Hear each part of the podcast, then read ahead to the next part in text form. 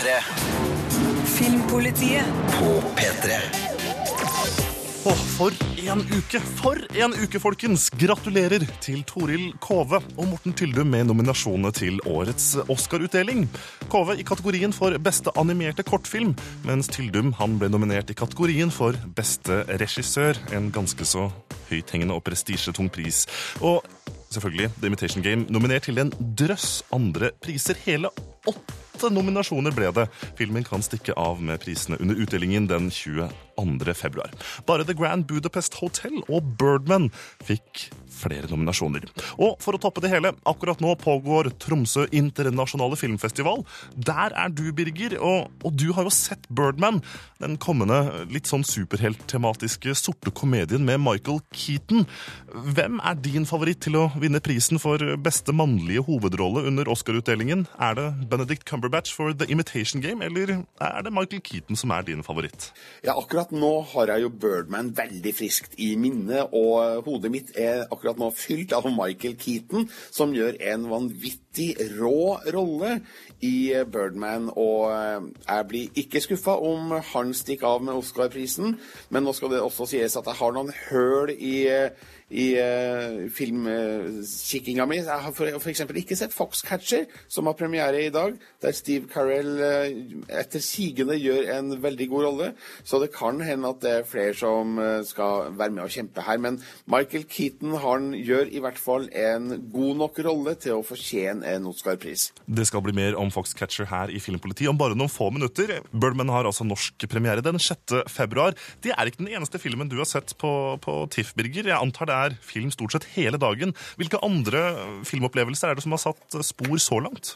Ja, jeg var veldig glad i What We Do In The Shadows, som er en newzealandsk mockumentary, altså en liksom-dokumentar om et kollektiv av vampyrer. Og det her kan sammenlignes med Spinal Tap, som jo var en um, legendarisk liksom-dokumentar fra 80-tallet med et, med et rockeband. Nå, nå, er det vampyrer, altså, som vi følger gjennom diverse videreverdigheter, og det er da utrolig morsom sort humor, og Jermaine Clement, kjent fra TV-serien Flight of the Concords, spiller én av rollene, og har også regissert filmen sammen med Taika Waititi. Og det her er kan hende en kommende klassiker, jeg vet ikke, men den likte jeg utrolig godt. Ellers så ble jeg imponert over Leviathan, den russiske filmen som nå er en av de nominerte til årets Oscar-utdeling. En sterk historie om en vanlig manns kamp mot en korrupt lokal politiker. Det er en det er en lang film. Den tar seg god tid, men den har virkelig en nerve som imponerer meg. Og man kan jo ikke annet enn å bli rimelig forbanna, rett og slett, på, på hvordan det russiske samfunnet blir skildra her. og og hvordan det er gjennomsyra av maktmisbruk, korrupsjon og ikke minst vodka. Så det er de to filmene ved siden av fantastiske Birdman som jeg rangerer aller høyest da etter disse dagene i Tromsø. Og det også legge til da at Leviathan vant jo Golden Globe for beste utenlandske film. Det kan jo også gi filmen et lite favorittstempel før Oscar-utdelinga den 22. februar. Før vi går videre i sendinga, Birger, straks skal vi nemlig få høre om, om Foxcatcher. Hvor stort mener du at det er for Tyldum å, å bli nominert til en Oscar-pris for beste regissør? Ja, det er jo bare én ting å si, og det er at det er helt fantastisk. Det kan vel ikke bli stort bedre. Det vil si, det er vel bare å faktisk vinne prisen som er, er bedre for Tyldum. Der tror jeg nok han kommer til å ha veldig skarp konkurranse, så jeg vet ikke om vi skal gå rundt og håpe på en, en Oscar-pris for Morten Tyldum, men, men, bare det å være nominert og få lov til å delta i det sirkuset der, det, det er fantastisk. Et fantastisk resultat da for Morten Tyldum. En av de han skal konkurrere mot i nettopp kategorien for beste regissør, det er Bennett Miller, som er mannen bak Foxcatcher. Den begynner på norske kinoer i dag, i hovedrollene Steve Carell og Channing Tatum. Er filmen bra? Svaret får du av Marte Hedenstad straks. Filmpolitiet anmelder film. Do you have any idea who I am? Why I asked come here today? No. I wanted to speak with you about your future. Foxcatcher er et svært interessant innblikk i et dystert kapittel av amerikansk idrettshistorie. Filmen er basert på den sanne historien om den eksentriske amerikanske milliardæren John E. DuPont og hans sponsing av brytebrødrene Mark og Dave Schultz på slutten av 80-tallet. Historien er svært kjent i USA, men det tragiske utfallet av bryternes samarbeid med milliardæren er imidlertid ikke like kjent i Norge. Dette er en mørk og ubehagelig historie som viser den gufne baksiden av medaljen. What do you hope to achieve, Mark? I want to be the best in the world. Good. Mark Schultz, spilt av Channing Tatum, og storebroren Dave, spilt av Mark Ruffalo, vant begge gull i bryting under sommer-OL i 1984 i Los Angeles. I forkant av VM i 1987 hadde de likevel ingen store sponsorer som støttet dem i oppkjøringa. Når Mark en dag blir kontakta av en sponsor spilt av Steve Carell, som vil sikre at han får den oppfølgingen han trenger for å vinne VM-gullet, er det en drøm som går i oppfyllelse.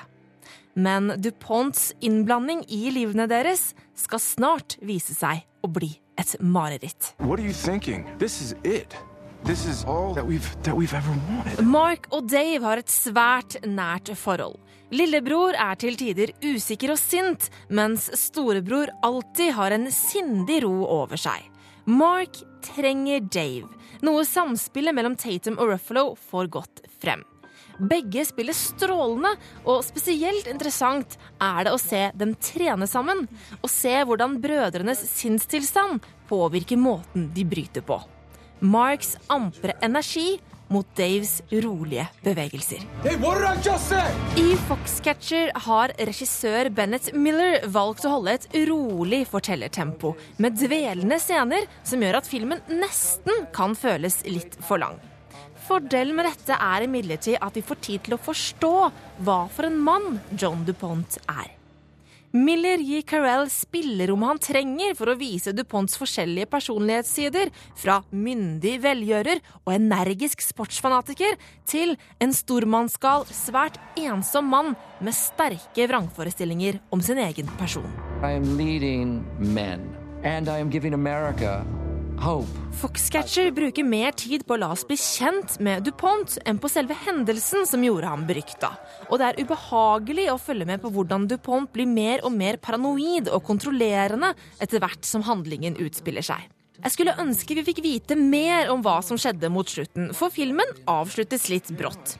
Men regissør Miller har nok ikke hatt som formål å fortelle om tragedien som allerede er kjent i USA. Han gir oss isteden et innblikk i et svært forstyrra sinn, og har med det laget en film som antageligvis kommer til å stå igjen som en av årets beste. We're going to do great things, Mark. I'm gonna give you everything I have. Terningkast fem. Foxcatcher har også fått fem Oscar-nominasjoner. Gå inn på p3.no skråstrek filmpolitiet for å se klipp fra filmen og for å få den fulle oversikten over alle de Oscar-nominerte filmene. Om noen minutter skal vi til Tromsø. Vi skal tilbake til Birger Vestmo og til filmfestivalen som pågår i Nordens Paris. Aller først Ariana Grande og The Weekend. Dette er Love Me Harder. Vi skal tilbake til Tromsø. Birger Vestmo, du er på plass. Åpningsfilmen 'Himmelen over Havanna'. Hva slags film var dette? Var det en film som også satte spor? Ja, det er en god film om eh, fem gamle venner som gjenforenes i Havanna, på Cuba da selvfølgelig, etter mange år fra hverandre. Og de får diskutert sine liv og gravd opp i grums fra gamle dager. Eh, Den er regissert av eh, Canté, som har besøkt eh, Tromsø denne uka. Han er mest kjent for eh, filmen 'Klassen', som han vant Gullpalme for i 2008. Eh, Nå har han da laga film på Cuba, et land han har eh, besøkt mye i løpet av de siste 12-13 åra. Og jeg møtte Canté her i Tromsø og snakka om hvordan det egentlig var å filme på Cuba. María se fue buscando el sol en la playa. Can you first of all tell me about your relationship with Cuba? When did that start? Uh, right, I went to Cuba for the first time 2002, I guess, and have been lucky enough to be invited to be part of a film called Seven Days in Havana, composed by seven short film by seven directors from all over the world, and uh, it was also a possibility for me to work with Leonardo Padura, who is um, I think, the most interesting uh, Cuban writer now. And I propose him to work on um, a situation of one of his books, described the, the, the coming back of uh, Cuban who had been living in, in um, exile for 15 years and is coming back for the first time and meet his friends and try to understand what happened during all this time in the country and between each of them. Miren el pelo de él. Mira que hicieron cosas para jodernos la vida. Y el pelo largo. Y hoy música americana. Ay. So uh, we started to write this story, and after a few days of working, we realized that uh, 15 minutes was not enough. That the story was too important for Cubans, and that we needed to at least one feature film to really tell it correctly. So I decided to stop this project for the short film. I wrote another script, and as soon as we've been able to, to meet again, we worked together again and wrote this film. Tengo una cosa aquí. Hace 16 años. ¿Por qué coño te fuiste como te fuiste? ¿Eh? It starts out as a reunion film, but um, there's some nostalgia, some memories, but pretty soon we see that these characters are really marked by communism. Uh, what did you want to say about the Cuban society with this film? What interests me the most in the in in the film is the the disillusion of all those people. It's a generation that was born with the revolution, that really believed in it, that really uh, hoped to become uh, part of the of the process. You know, when when they grow up, but who finally arrive at uh, the age uh, of uh, involving themselves really at a very bad moment of uh, of Cuban history. It means at the end of Soviet Union, when no money would arrive anymore in in the country. I think the film, of course, tells the story of Cuban characters, speaks of Cuba Cuba history, but it's also, I hope, more universal than that. It's how can we preserve our ideals? Uh, how can we live without these ideals? Lo que sí hice fue decirme a mí mismo, por lo menos voy a vivir. Y voy a vivir bien. Det var Birger Vestmo som hadde møtt filmskaper Laura Canté, mannen bak åpningsfilmen på årets Tromsø internasjonale filmfestival. Den heter 'Himmelen over Havanna' og kommer på norske kinoer i oktober. Vi skal fortsatt holde fokus på Tromsø, for Birger har også møtt filmskaper Linnea Saasen, som står bak 'Meet Me in Montenegro'. Følg med videre etter Travis. Dette er Sing. Her i Filmpolitiet så holder vi fortsatt fokus på Tromsø internasjonale filmfestival, som altså går av stabelen akkurat nå, og nå i helga. Den tysk-norsk-amerikanske filmen Meet Me in Montenegro vises på festivalen denne helga. Samboerparet Linnea Sasen og Alex Holdridge har skrevet, produsert, regissert, og ja, de spiller også hovedrollene. Filmen handler om en amerikansk filmskaper som gjenforenes med en norsk danser i Berlin, noen år etter deres første stormende forelskelse, der hun plutselig bare forsvant. Birger har møtt Linnea på, på TIFF, og hun kan fortelle at filmens kjærlighetshistorie har klare paralleller til filmskapernes eget forhold.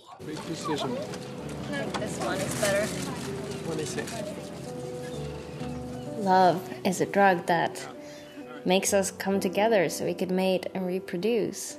It actually even decreases your IQ, so we would do this. But for thousands of years, we only lived until we're 30 years old. So now we're completely outlived our capacity to love. Meet Me i Montenegro er altså, kort sagt en eh, kjærlighetsdrama. Litt uh, spice opp med litt komedie. Kan du fortelle hvordan uh, filmen kom i, kom i gang, og prosessen rundt det? Eh, så den kom i gang Jeg og Alex vi møtte hverandre i Berlin, eh, som i filmen. Og falt for hverandre og bestemte oss for å reise sammen uten å kjenne hverandre i det hele tatt. Og det her kan jo gå veldig, veldig galt. Men heldigvis så gikk det ikke så galt. Men vi tenkte vi var i Montenegro, og det var helt fantastisk. Samtidig som man kjenner ikke hverandre helt, så man kan jo ikke helt stole på hverandre. Så vi kom på den ideen hva hvis en bare forsvant? Og så begynte vi eh, å skrive. Vi var i eh, Sarajevo og begynte å skrive. Jeg hadde masse forskjellige ideer som vi bare putta opp på veggen. Så det var en naturlig prosess hvor vi bare starta uten å egentlig ha et helt spesifikt mål. Så det kom seinere, når vi kom tilbake til Berlin og begynte å forme det mer strukturert. Hey, I found this ad that might be interesting for us for this week. Wow. What do you think?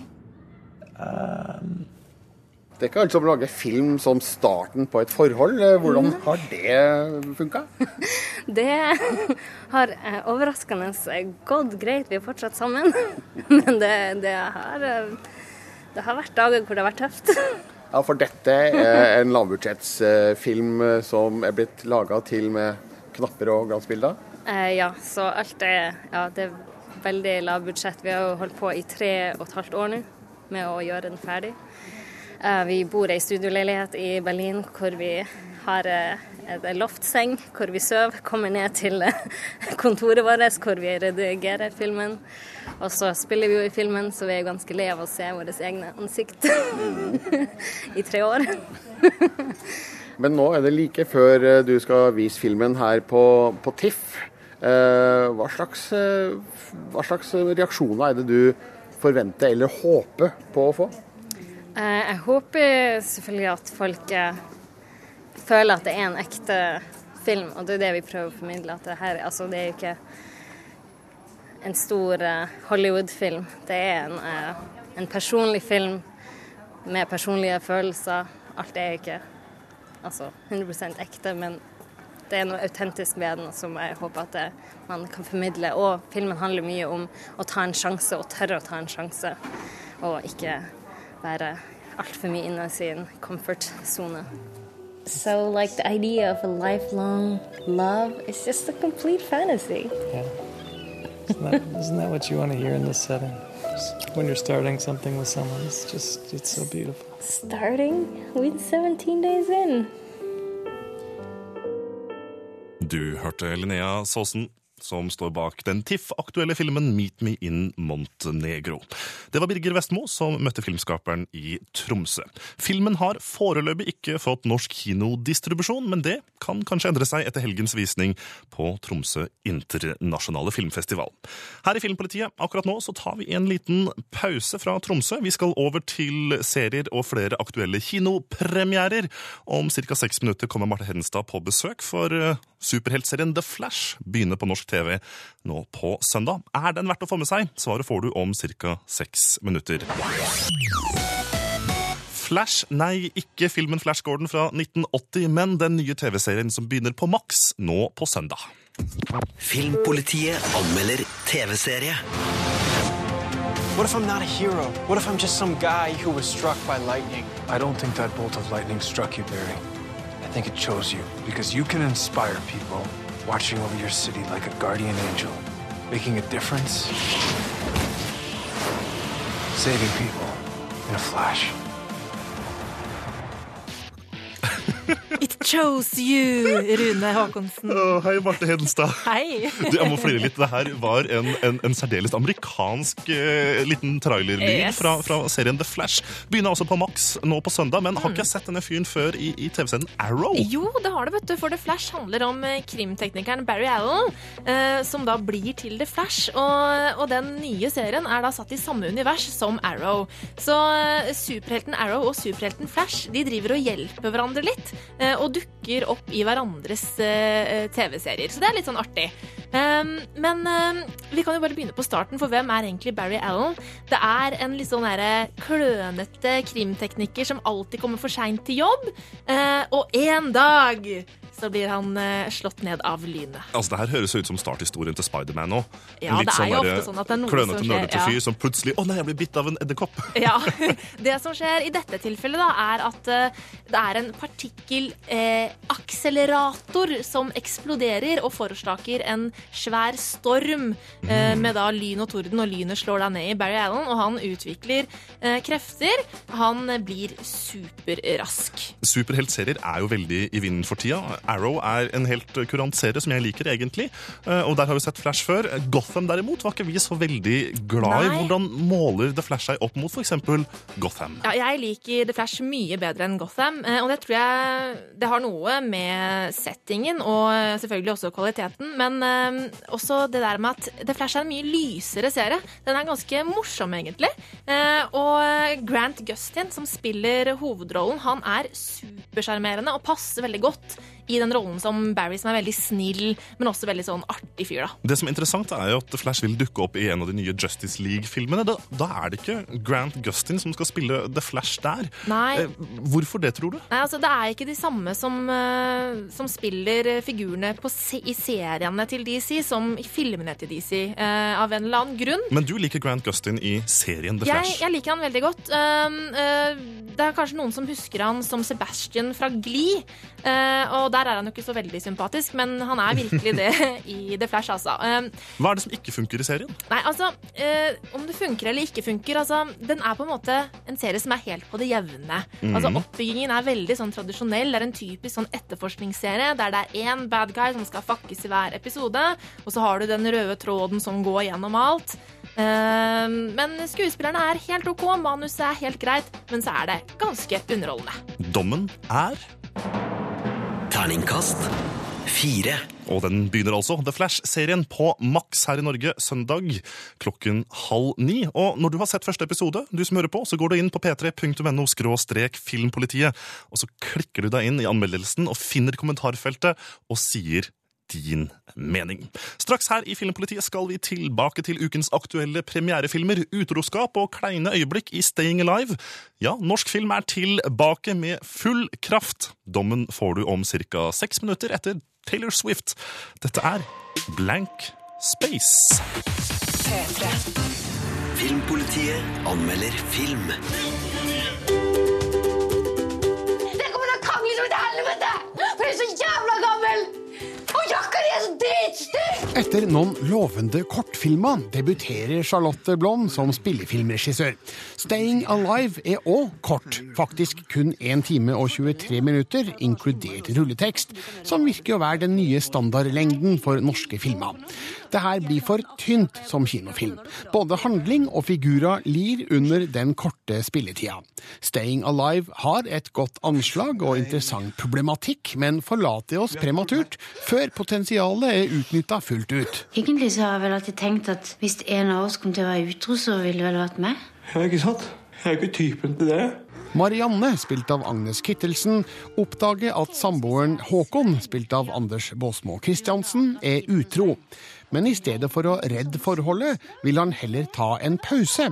Det her kommer som lyn fra klar himmel på Marianne. Plutselig, og helt ufrivillig, står hun i fare for å miste mye i tilværelsen.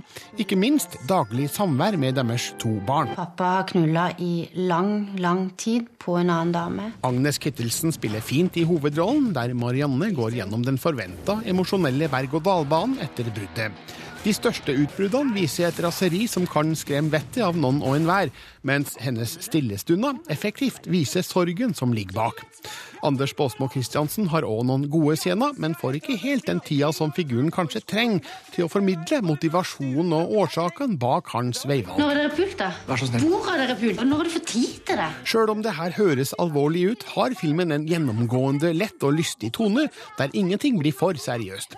Her kommer f.eks. Linn Skåber inn i en litt overdreven klovnerolle som Mariannes venninne, som stadig må lyse opp historiens mørke aspekter. Skåber har òg flere scener med med Nils Jørgen Kålstad, der de diskuterer bruddet mellom Marianne og Håkon, mens hun forsøker å lære han å lukeparkere.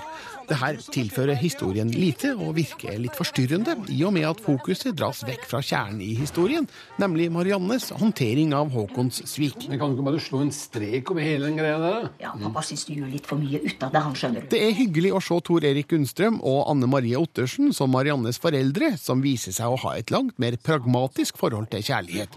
Men jeg henger meg opp i at de har en datter som snakker kav sørlandsk, mens de sjøl er inngrodde mossinger. Altså, Hva slags dere to? Et annet småmorsomt innslag i persongalleriet er den irske Grand Prix-stjerna Johnny Logan som seg sjøl. Et nostalgisk grep jeg òg husker fra TV-serien Smukk, der Tommy Øpna din dør Nilsson var med som utdatert smørsanger. Staying Alive er en smårar og pussig komedie om livet før, under og etter et kjærlighetsbrudd.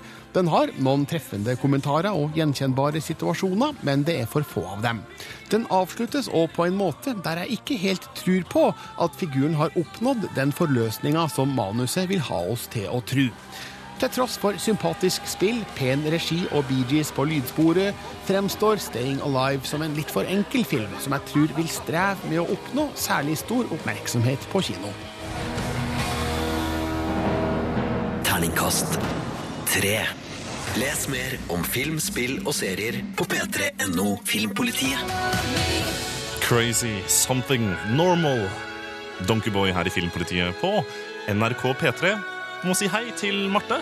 Hei, hei. Og hei til Sigurd. Hallo! Eh, Hva liker dere best når det er kaldt ute? Det snør, det blåser og sånn? Ta en råsjanse og si glo på TV-boksen, da. Oh, helt riktig det. Filmpolitiet anmelder TV-serie. What are your fantasies? If you could do whatever you want, what would you do to Brett? Make him lose control. Yeah, yeah, yeah. Spontaneous and crazy. I just want to punch him in the face. Brett, I- I'm getting evicted. I can't take skinny, beautiful LA people looking at me like I'm a whale. I don't think everybody thinks you're a whale. People look at me, man. They want to fucking harpoon me. Jeg hørte litt lyd fra TV-serien Togetherness, sesong 1, nå tilgjengelig på HBO Nordic. Og den går også altså på Seymour. Marte, hva slags serie er dette, da? Du, det her er en eh, TV-serie som er en av de få som kommer sånn en sjelden gang. Som er en TV-serie man kan bli skikkelig glad i, med rollefigurer man, man virkelig kan kjenne seg igjen i, eh, og tro på at det er ekte mennesker. Eh, det her er jo da en dramakomedie som handler om litt grann det her eh, hva som skjer når de forventningene du har hatt til livet, slår deg i fleisen. Altså det vi alle opplever en eller annen gang. Ikke sant? Ja, Eh, og den handler da om eh, et ektepar som har vært gift i ti år, eh, som begynner å kjenne på at gnisten er borte. Eh, og det er da Mark Duplass og Melanie Linsky som spiller dem. Altså, eh, Melanie Linsky som spiller Rose i Two and a Half Men, vet du. Oh, ja, ja. Um, og Mark Duplass er også en av serieskaperne bak Togetherness. Og de da får de, mens de har problemer, så flytter søsteren til Melanie inn, eh, spilt av Amanda Peet, fordi hun er deprimert og ikke har oppnådd noe i livet. Og Alex, kompisen eh, til, eh, til Mark Duplass, flytter òg inn fordi han har blitt kasta ut hjemmefra fordi at han ikke hadde nok penger til å betale leia. Så det er liksom det er krise i livene til fire mennesker. Litt forviklingskomedie. vi-. Ja, og så putter vi disse sammen i ett hus og ser eh, hva som skjer. Du har snakka mye om serien på kontoret Mm. den siste uka. Hva er det som funker spesielt bra? Er det noe som ikke funker så bra? Ja, altså, eh, Når du hører plott der, så kunne du kanskje tro at det er en veldig sånn hysterisk komedie. eh, men det er det heldigvis ikke. Fordi at oppi alt dette som skjer, så er det veldig sånn, en veldig sår stemning også. Um, og det handler om virkelig menneskelige problemer. Um, og, rollefigurene er veldig sånn relaterbare. Så det er veldig fint. Um, det, det eneste som, det er egentlig ikke så veldig mye å trekke for. Det eneste er at det er jo ikke noe sånn banebrytende her. Uh, Togetherness bruker en ganske sånn kjent oppskrift som man har sett før eh, i, i tidligere serier, men det fungerer eh, bare rett og slett så veldig bra. Kjent, eh, skal vi, si, kjent oppskrift, men gjort veldig, ga- veldig bra. Dommen på Togetherness, den ble Terningkast fem. Det er ikke den eneste HBO-serien som også går på Seymour, som har begynt nå. Eh, Vi skal over til eh, et litt skeivt perspektiv på livet. Looking sesong to. And you do know that getting drunk and slapping some cock around your face isn't actually the worst thing in the world. Okay, I'm sorry I'm not you and I don't find it attractive to get completely fucked up and drag some random person home and then fuck him so loudly that I have to wear Okay, earplugs. I can't even sleep. okay? And I can hear Ladies, you live in the ladies, world, just bang please. away. If we can't play nice, we're going home. No, you're right, Tom. Let's just relax, breathe.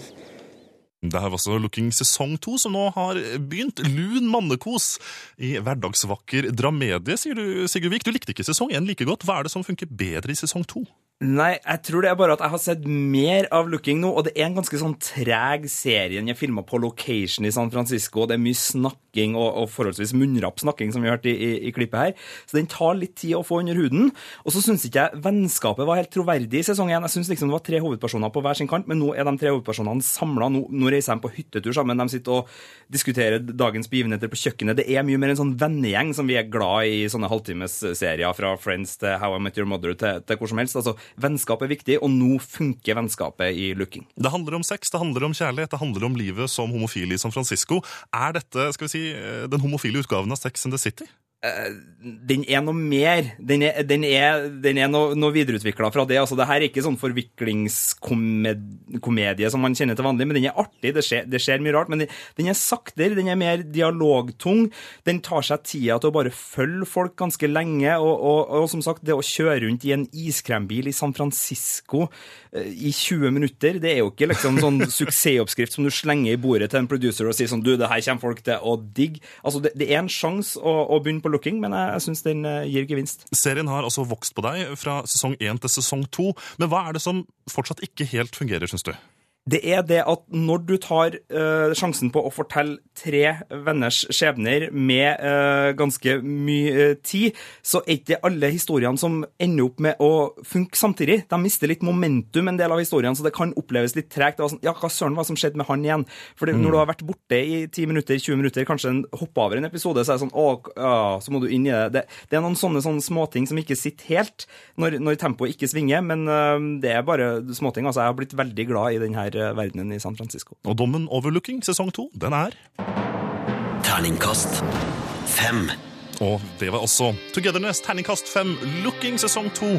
Også terningkast fem. Begge seriene går på Seymour her i Norge og er tilgjengelig på HBO Nordic sin strømmetjeneste. Takk til Marte, og takk til Sigurd. Om noen få minutter, ca. fem for å være helt nøyaktig, så skal vi over til ukas aktuelle kinopremierer. Paddington Bjørn. Barnefilm er på vei, ja. Først Divisjon. Filmpolitiet anmelder film. Ja, hallo. Jeg trenger en liten justering av innboforsikringen min. Eh, eh, saken er at jeg har fått en overnattingsgjest, en, en bjørn, og jeg trenger litt bedre dekning for eventuelt skal... Ja, en bjørn. Bjørn Paddington er en populær figur fra en serie barnebøker utgitt mellom 1958 og 2012. Filmen Paddington bringer han inn i den virkelige verden, i hvert fall nesten, med vellykka resultat. Regissør Paul King viderefører bøkens varme humor og trygge atmosfære. Noen vil kanskje kalle det her tannløst og gammeldags, og det gjøres heller ingen forsøk på å modernisere Paddingtons personlighet nevneverdig. Men filmen har flere visuelt lekre spenningssekvenser som gjør at de yngste barna vil bli godt underholdt. Jeg heter Paddington. Og jeg kommer fra Peru. En prolog forteller om en britisk oppdagelsesreisende som finner to snakkende bjørner i det mørkeste Peru. Mange år senere blir skogen ramma av en katastrofe som gjør at bjørnenes nevø trenger et nytt hjem. Han reiser til London for å finne denne oppdageren, og får hjelp av familien Brown, som gir han både navnet Paddington og midlertidig husly. Men jakta på oppdageren setter han i søkelyset til Millicent, spilt av Nicole Kidman, en utstopper som trenger en bjørn i samlinga. Jeg har tenkt å stoppe deg ut, Bjørn. Hva behager? Paddington får et ublidt møte med London, en by han trodde skulle ta han imot med åpne armer. På overflata er det her et enkelt eventyr med familieverdier i fokus. Men mellom linjene kan man òg ane en kommentar til vår kulturs frykt, intoleranse og mistenksomhet overfor fremmede. Det er ikke vanskelig for verken barn eller voksne å sympatisere med en marmeladeglad kosebjørn med snurrig hatt, frakk og koffert i møte med en kald by. Vi kan ikke bare forlate ham her. Klart vi kan, vi har ikke noe ansvar for ham. Filmen er full av skuespillere med tunge kvaliteter, som Hugh Bonneville, Sally Hawkins, Peter Capaldi og Nicole Kidman. Sistnevnte er akkurat passe skummel som Millicent, sjøl om filmens målgruppe gjør at hun ikke kan bli for skremmende. Paddington sjøl er digitalt animert og er gjort imponerende livaktig. Spesielt øynene gir figuren mye liv, sjøl om de kanskje ikke er spesielt troverdige i bjørnesammenheng. Alle figurene er dyktig dubba til norsk av bl.a. Benjamin Helstad og Line Verndal. Pleier bjørner å ha navn? Mm, ja, det er klart. Mitt navn er Akkurat. Paddington er et hyggelig møte med en figur jeg sjøl husker fra barndommens lesestunder. Om det her blir en gjentagende opplevelse, er usikkert. Det gjenstår å se om barn anno 2015 vil trykke den gamle bjørnefiguren til sitt bryst. Men denne filmen byr i hvert fall på et fint persongalleri, en passe bratt spenningskurve og en god dose ufarlig humor som gjør det her til en trygg familiefilm.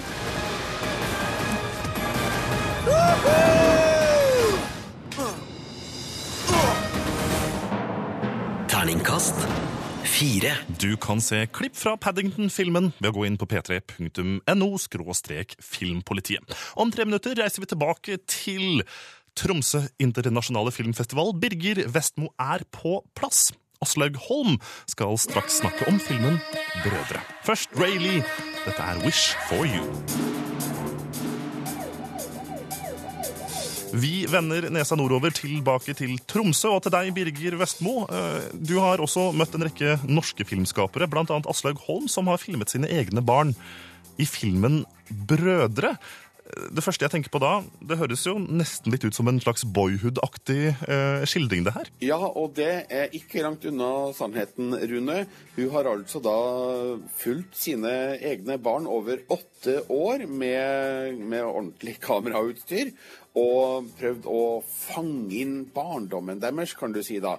Eh, I en rekke hverdagslige øyeblikk, men, men også sekvenser som er full av eh, eh, poesi, rett og slett. Så det har blitt en vakker film eh, med flere hverdagslige skildringer, men også full av poesi. Så dette er mm, et eh, nydelig lite bilde av eh, oppvekst i Norge. Og ja, det er helt eh, riktig at du får assosiasjoner til, til boyhood med, en gang her. Og det måtte jeg jo spørre regissør Aslaug Holm om da jeg møtte hun etter den første visninga her i går kveld. Jeg føler at det, det er veldig rart, for når jeg starta å filme for åtte-ti år siden, så visste ikke jeg om Boyhood. Det var først i sommer at jeg fikk hørt om det prosjektet. Så jeg gikk og så filmen etter at jeg var ferdig med opptaket i høst. Og det var jo helt fantastisk på en måte, for det var noen linjer der som har gått helt parallelt uten at vi visste om det. Og da tenker jeg at det er jo sikkert noe i vår tid som er felles, uavhengig av hvor du bor da, i verden. Det er noe med tida som går så fort. Og det å fange en oppvekst handler jo litt om å på et eller annet vis fange en karakter i en utvikling. Da. Det å se de linjene, gi oss tid til å være med på den reisen, det er en utrolig flott mulighet for en eh, film, en kinofilm. Men hva var kongstanken, eller dronningtanken, får vi kanskje si da, bak eh, prosjektet her? Hva var det du ville formidle? Jeg ville vel formidle eh, noe i det lille og det store, at det henger sammen. da. At På en måte så vokser mine barn opp i storbyen i Oslo, mens jeg kommer fra ei øy ute i havgapet, langt ute i havet, og har røtter der. Og har prøvd også på en måte ha de to nivåene gjennom filmen, at vi har alle en del av en større slekt. da. Og det med å være brødre er jo Vi kommer jo fra alle fra samme Hvis vi går helt tilbake til opprinnelsen, da, så er det på en måte skapelsen. Vi starter med to mennesker, og så blir vi en verden. sånn at hvis vi skal forandre verden, så må vi begynne med oss sjøl. Og alt ligger i oss sjøl, alle mulighetene. Og det prøvde jeg å vise gjennom det lille universet da, med å følge de to guttene mine. Du har jo filma dem sånn som alle foreldre gjør, men du har kanskje litt større kvalifikasjoner til å filme dem. Da. Men når var det du skjønte at eh, ja, men dette kan jeg jo gjøre noe med, altså i filmøyemed? Jeg tror at det begynte litt med, eh, i og med at jeg er både fotograf og regissør og mor, da.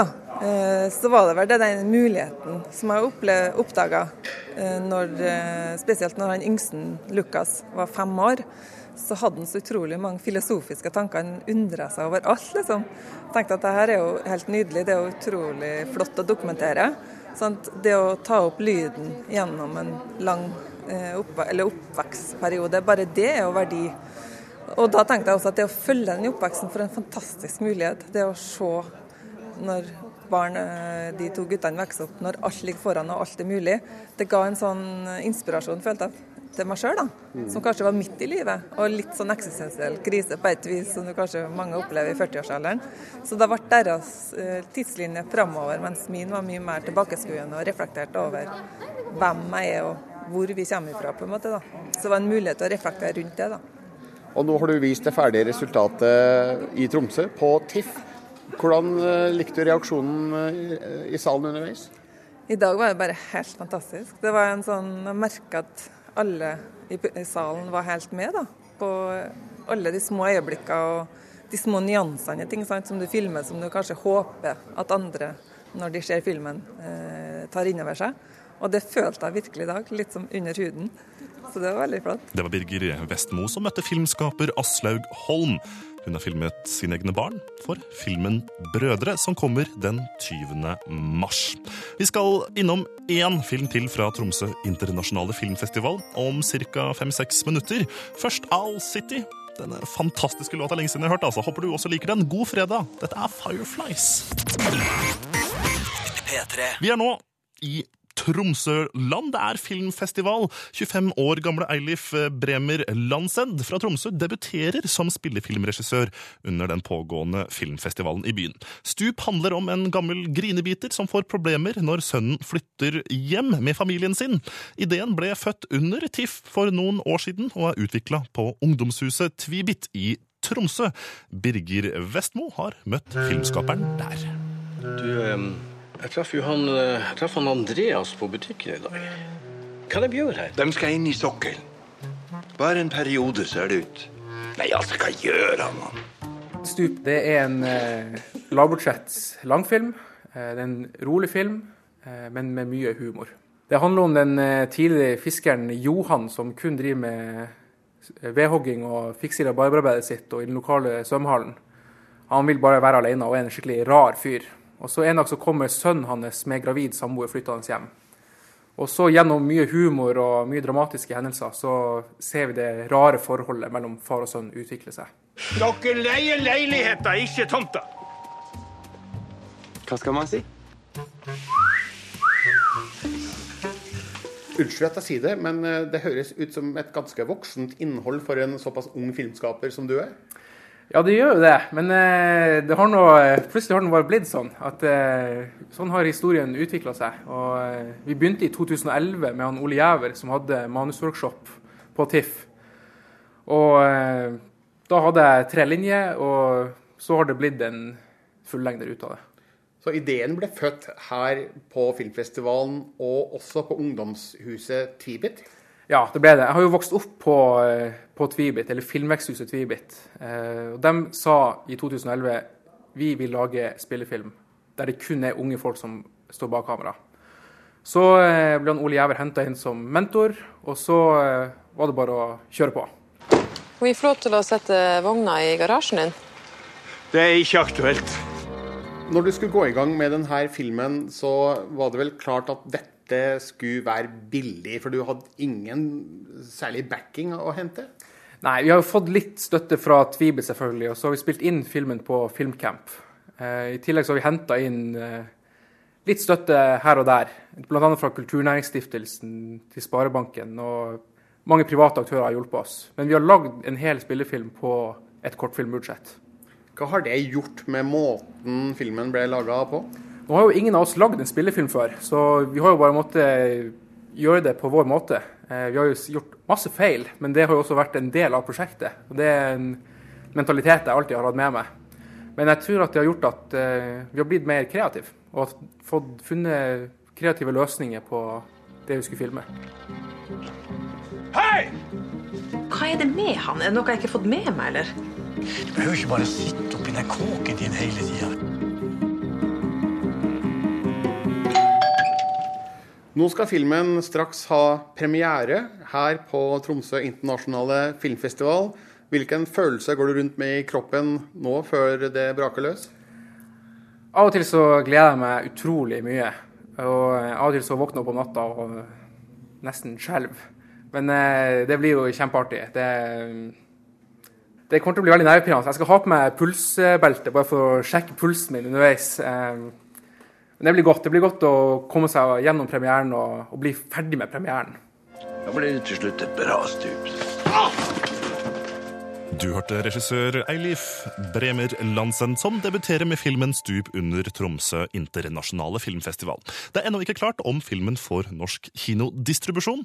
Reporter, det var Birger Vestmo. Nå er klokka blitt ti på ett. Det betyr at vi straks er ferdig for i dag med Filmpolitiet. Men vi har én film til på programmet du må høre om. Filmen Timbuktu er nominert til en Oscar for beste utenlandske film. Sigurd Vik gir deg sin dom. Filmpolitiet anmelder film.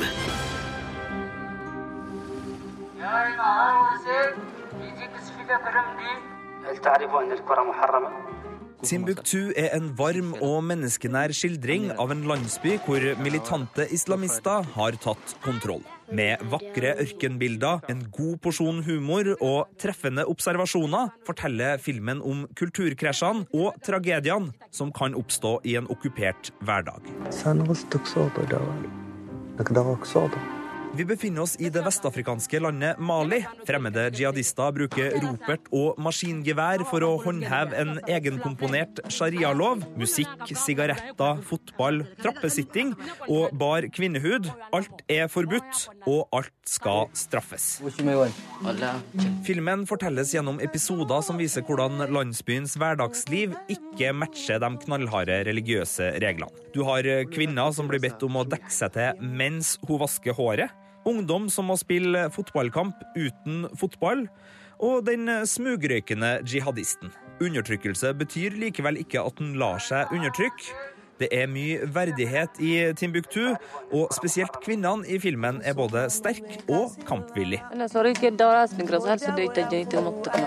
Regissør Abderrahmane Sissako kan minne mye om Roy Andersson i sitt filmspråk.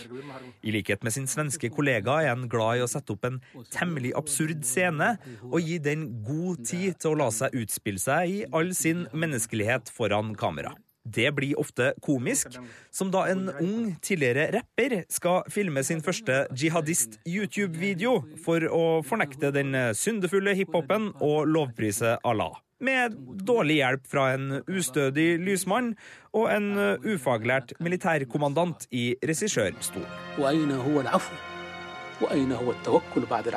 Timbuktu unnlater ikke å vise fram grusomhetene og den enorme uretten som rammer når jihadistene kommer til byen. Men ved å holde fokus på det hverdagslige, så klarer filmen å avsløre ekstremismens latterlige vesen, og får dermed en gyldighet som strekker seg mye lenger enn til kun å være et skrekkbilde på dagens militante islamister.